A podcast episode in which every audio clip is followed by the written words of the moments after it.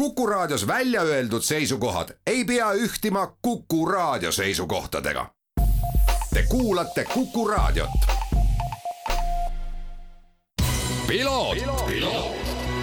ralli uudistele tagavad kvaliteedi RM stuudio põrandad. tervist, head Kuku raadio kuulajad, eetris on saade Piloot ja stuudios saatejuht Margus Kiiver. Nüüd, kus siis kodune WRC Rally Estonia on selja taga ja samuti möödunud nädalavahetuse vormel üks etapp Prantsusmaal, tahaks ma Kuku kuulajatega jagada ühte mõttekäiku, mis on seotud ka meie sõitjatega aga ennem seda paar kiiret uudist meie sportlaste tegemistest maailmas. Vormel kaks sarjas oli Hitech meeskonnas sõitva Jüri Vipsi kiirus Prantsusmaal toimunud järjekordse MM-etapi esimeses vabatreeningus. Vägagi paljulubav, kui ta oli tabeli tipus. Paraku on alati nii, et vabatrennid ja testikatsed võivad ju mingit suunda näidata, aga mitte alati kvalifikatsioonis oli Vips seitsmes ja see tähendas laupäevases sprindis neljandat stardikohta ning pühapäevases põhisõidus seitsmendat stardipositsiooni. sprindivõistluse start laupäevasel päeval Vipsil ebaõnnestus ja ta kukkus kaheksandale positsioonile sõidu eelviimasel ringil tegi ta manöövri tiimikaaslase Marcus Armstrongi vastu, millega ta saatis konkurendi rajalt välja sõidu lõppedes oli Vipsil kuues koht, aga kuna see liigutus Armstrongi vastu oli kohtunike silmis määruste vastane, siis anti Vipsile viiesekundiline ajakaristus, mis lükkas eestlase punktidelt välja üheteistkümnendale kohale. Paraku ei toonud rõõmu ka pühapäevane põhisõit korraliku stardi teinud Vips tõusis viiendaks, aga päeva rikkus kohustuslik poksipeatus, kus Hiteki meeskonna mehaanikud vasakut tagaratast ei saanud taas korralikult äh, taas külge ning ajakadu oli kriminaalselt suur. Pika pingutuse peale kaheteistkümnes koht ja kokku tähendas see punktide vaba nädalavahetust peale üheksat etappi on Vips kaheteistkümnendal kohal, sarja liider on Felipe Trugovitš. järgmine etapp on juba sellel nädalavahetusel Ungaril, Ungaris kuulsal Ungaro ringil. Itaalias toimunud äh, Euroopa autoralli meistrivõistlustel Rally di Roma oli omas klassis võitmatu Robert Virves, kes sedapuhku sõitis koos Portugali kaardilugeja Hugo Magalhãesiga ELC kolm kategoorias võitsid nad Fiesta, Ford Fiesta R3 autoga kõik kolmteist kiiruskatset. üldarvestuses olid teised eestlased Ken Torn ning Ken Järveoja Ford Fiesta Rally2 autoga kaheteistkümnendal kohal. Nende parema tulemuse röövis rehvi purunemine laupäeva viimasel katsel, kui nad olid kuuendal positsioonil ning Euroopa meistrivõistluste üldarvestuses on Ken Torn hetkel kuuendal kohal ja nüüd siis äh, saate alguses lubatud mõttekäigu juurde. jälgides paralleelselt suure huviga nii F1 kui ka WRC maailmas toimuvat, olen tabanud ennast mõttelt, et äh, Mercedese F1 meeskond ja Hyundai WRC meeskond on tänavu olnud silmitsi sarnaste probleemidega. mitte küll tehniliselt sarnased probleemid, aga lubage ma seletan tänaseks on äh, olukord pisut muutunud ning väga palju on selles äh, oma osa meeskonna juht, oskuslikul juhtimisel või siis mitte. aga kõigest järgemööda. Hyundai alustas WRC hooaega selgelt tagaajaja rollis ajal, kui Toyota ja M-Sport, mis siis valmistab ette Fordi ralliautosid, juba oma uusi Rally1 masinaid kas juba valmistasid või olid juba lausa testiradadel, oodati Alsenaus Saksamaal, kus on Hyundai motorspordi peakontor, rohelist tuld emafirma poolt Koreast. Loomulikult päris käed rüpes Alsenaus ei istutud, aga kui lõpuks saabus otsus ja teadmine, et saab toimetama hakata, oli aega ilmselgelt vähe. seda on ka Ott Tänak mitmel korral öelnud, et testimiseks neil tegelikult hooaja eel sisuliselt aega ei jäänud ning Monte Carlo ralli, mis siis oli hooaja esimene MM-etapp, oligi nende jaoks ka üks suurematest testidest abiks polnud kindlasti ka Thierry Neuvilli poolt ühel vähesel testipäeval uue Rally1 auto jõkke uputamine enne Monte Carlo rallit. sealt edasi on aga toimunud Hyundai's sisuliselt lennuki ehitamine samal ajal, kui see koos reisijatega lendab. siit maksab otsida vastust ka küsimustele, miks on olnud Hyundai'l probleeme vastupidavusega ja kohati koomiliste olukordadega, mis küll tõsi, Hyundai's kedagi naerma ei aja olgu, igasugused pisiapsakad saab olukordadega ja lihtsa vaevaga ära klattida ja parandada. selle varjus on aga tõusmas palju tõsisem ja fundamentaalsem mure, auto stabiilsus, mille üle on kõik sõitjad kaevanud. liigne liikumine, pean siis silmas külgsuunas, külgsuunas liikumist ja probleem sellega, et ei suudeta kogu auto jõudu läbi rataste maasse viia sõitjad ei tunne ennast sellises olukorras mugavalt ja ei suuda kindlasti endast maksimumi välja pigistada, sest sellistes tingimustes Toyotaga, mis, mille balanss tundub praegusel hetkel väga ilusasti paigas olevat, võidu sõites tuleb tihti olla üle piiri ja sellel võivad olla tagajärjed.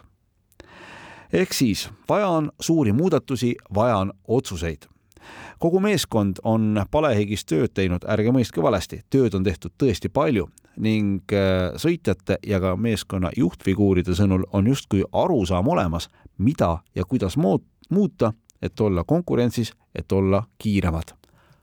tekib küsimus, miks seda siis ei tehta? seda on raske öelda, teadmata tagamaid, aga selge on see, et see kõik tekitab meeskonnas pingeid just sõitjate ja juhtkonna vahel. Ott Tänaku sõnad, oleme infot kogunud küll, nüüd on vaja hakata tegutsema, ütleb palju minu sisetunne ütleb, et äh, täna pole meeskonnas seda inimest, kes ütleb, nüüd teeme nii ja ongi kõik. isegi kui see tähendab mingite asjade täiesti saja kaheksakümne kraadi, saja kaheksakümne kraadinist pööret. või täpsemalt öeldes saab see inimene selleks kõigeks õnnistuse Koreast, kust Hyundai ju loomulikult pärit on ja kus kõik suuremad otsused vastu võetakse juba pikka aega on meeskonnajuhi kohusetäitja rolli täitnud Julian Montse, kes aga ilmselgelt ei naudi sellel kohal olemist, vähemalt nii paistab välja. ja päris meeskonnajuhti pole ka peale Andrea Adamo taandumist valitud, kuigi sellest on juttu räägitud ja see kõik ei tee asju lihtsamaks. Montse olukorda võib võrrelda situatsiooniga, kus keset suurt Covid-19 pandeemiat lahkub Terviseameti juht ja keegi selles olukorras väga seda tööd enda peale võtta ei taha.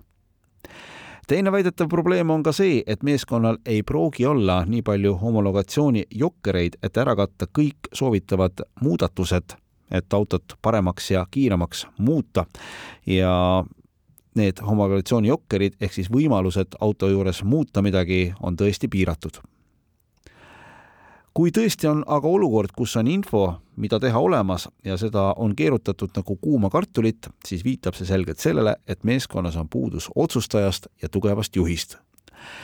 ma väga loodan, et see inimene leitakse, sest praegu saab Julian Montse igast liigutusest aru, et ta ei soovi sellel kohal toimetada lisaks on ta siis äh, meeskonnajuhi kohusetäitja rolli kõrval ametis ka veel Powertrain osakonna juhina ja see on osakond, mis koondab ja ühendab mootori, jõuülekande ja elektroonika osa ehk siis väga olulise osa autost. nüüd aga Mercedese F1 meeskonna juurde kaks tuhat kakskümmend üks aasta tootjate maailmameister ja seitsmekordse maailmameistri Lewis Hamiltoni meeskond. kahe tuhande kahekümne teiseks aastaks palgati tiimi teine andekas britt, noor ja auahne George Russell ja eesmärk oli loomulikult alistada Red Bull, nende kõige verisem konkurent nii individuaalselt kui meeskondlikult. aga asjad läksid hoopis teisiti kahe tuhande kahekümne teise aasta uued autod tähendasid täiesti uut lähenemist ja hooaja alguses juba testidel pidime tõdema, et Mercedes päris pakku ei tabanud suur mure, porpoising ehk siis üles-alla hüplemine, ei oska seda teistmoodi kuidagi paremini kirjeldada, sest ingliskeelne otsene vaste eesti keelde on pringeldamine, on probleemiks olnud päris mitmel meeskonnal see aerodünaamiline mure tegi aga enim kurja just Mercedesele ja hooaja alguses pidi Hamilton imestama, et näe, kümnenda koha eest antakse ka punkte. lisaks äh, mõjus see üles-alla hüplemine suurel kiirusel ka sõitjate selgadele ning äh, eks muresid tegelikult oli teisigi. sarnaselt Hyundai meeskonnaga toimetas ka kogu Mercedese tiim palehigis, et leida lahendusi probleemidele ja samm-sammu haaval hakkas olukord paranema. ja siit jooksebki sisse erinevus Mercedeses ainult ei kogutud infot. paistab, et seal võeti ka kiirelt vastu otsuseid, tehti muudatusi ja uuendusi, kui neid oli vaja teha. Ja ma näen selle kõige taga meeskonna tugevat ja võimekat juhti Toto Wolfi Toto Wolf võib meeldida või mitte, sest tegemist ei ole lihtsa inimesega, aga seda olukorda on ta igal juhul väga hästi lahendanud. kindlasti ei ole Mercedese meeskond veel seal, kus nad täna tahaks olla.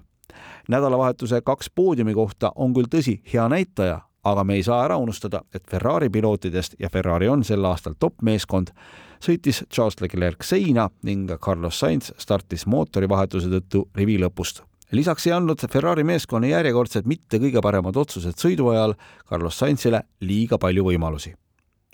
ning Lewis Hamilton ka kinnitas Prantsusmaa GP järgselt, et neil ei ole veel rohtu Red Bulli kiirusele. üritas, mis ta üritas, järgi ei jõudnud. aga vaadates seda, kus oli Mercedes hooaja alguses ja kus nad on täna, see on progress mida kahjuks ei saa täna rallimaailmas otseselt öelda Hyundai kohta on olnud head sähvatused Ott Tänaku ja Martin Järveoja võit Sardiinias ning loomulikult ka kolmas koht kodusel Rally Estonial, aga selge on see, et kodust oodati rohkem. ja selle viimase puhul me ju teame, et see oli ka selles olukorras maksimum, mis välja pigistada sai. pea kaks minutit kaotust võitjale, Kalle Ravamperale ja Don Haltunenile Toyotaga räägib enese eest. jah, ma tean vormel üks maailmas liiguvad suuremad rahad, suuremad võimalused, alati võib öelda, et tarneahelates olid probleemid ja nii edasi ja nii edasi. aga see ei muuda tõsiasja, et vähemalt selle info kohaselt, mis meil praegusel hetkel käes on, saan ma öelda, et Hyundai's ei ole suudetud hetkel vastu võtta suuri ja olulisi otsuseid. Kas ja kuidas on suutnud Mercedes äh, ennast muuta või paremaks teha, näeme nädalavahetusel juba Hungaroringil ja kuidas on asjad muutunud Hyundai's, kui on muutunud, näeme juba järgmisel nädalavahetusel, kui sõidetakse Soome MM-ralli. selline oli tänane piloot, aitäh, et kaasa mõtlesite, mina olen saatejuht Margus Kiiver ja kohtumiseni järgmisel nädalal. ralli uudistele tagavad kvaliteedi RM stuudio põrandad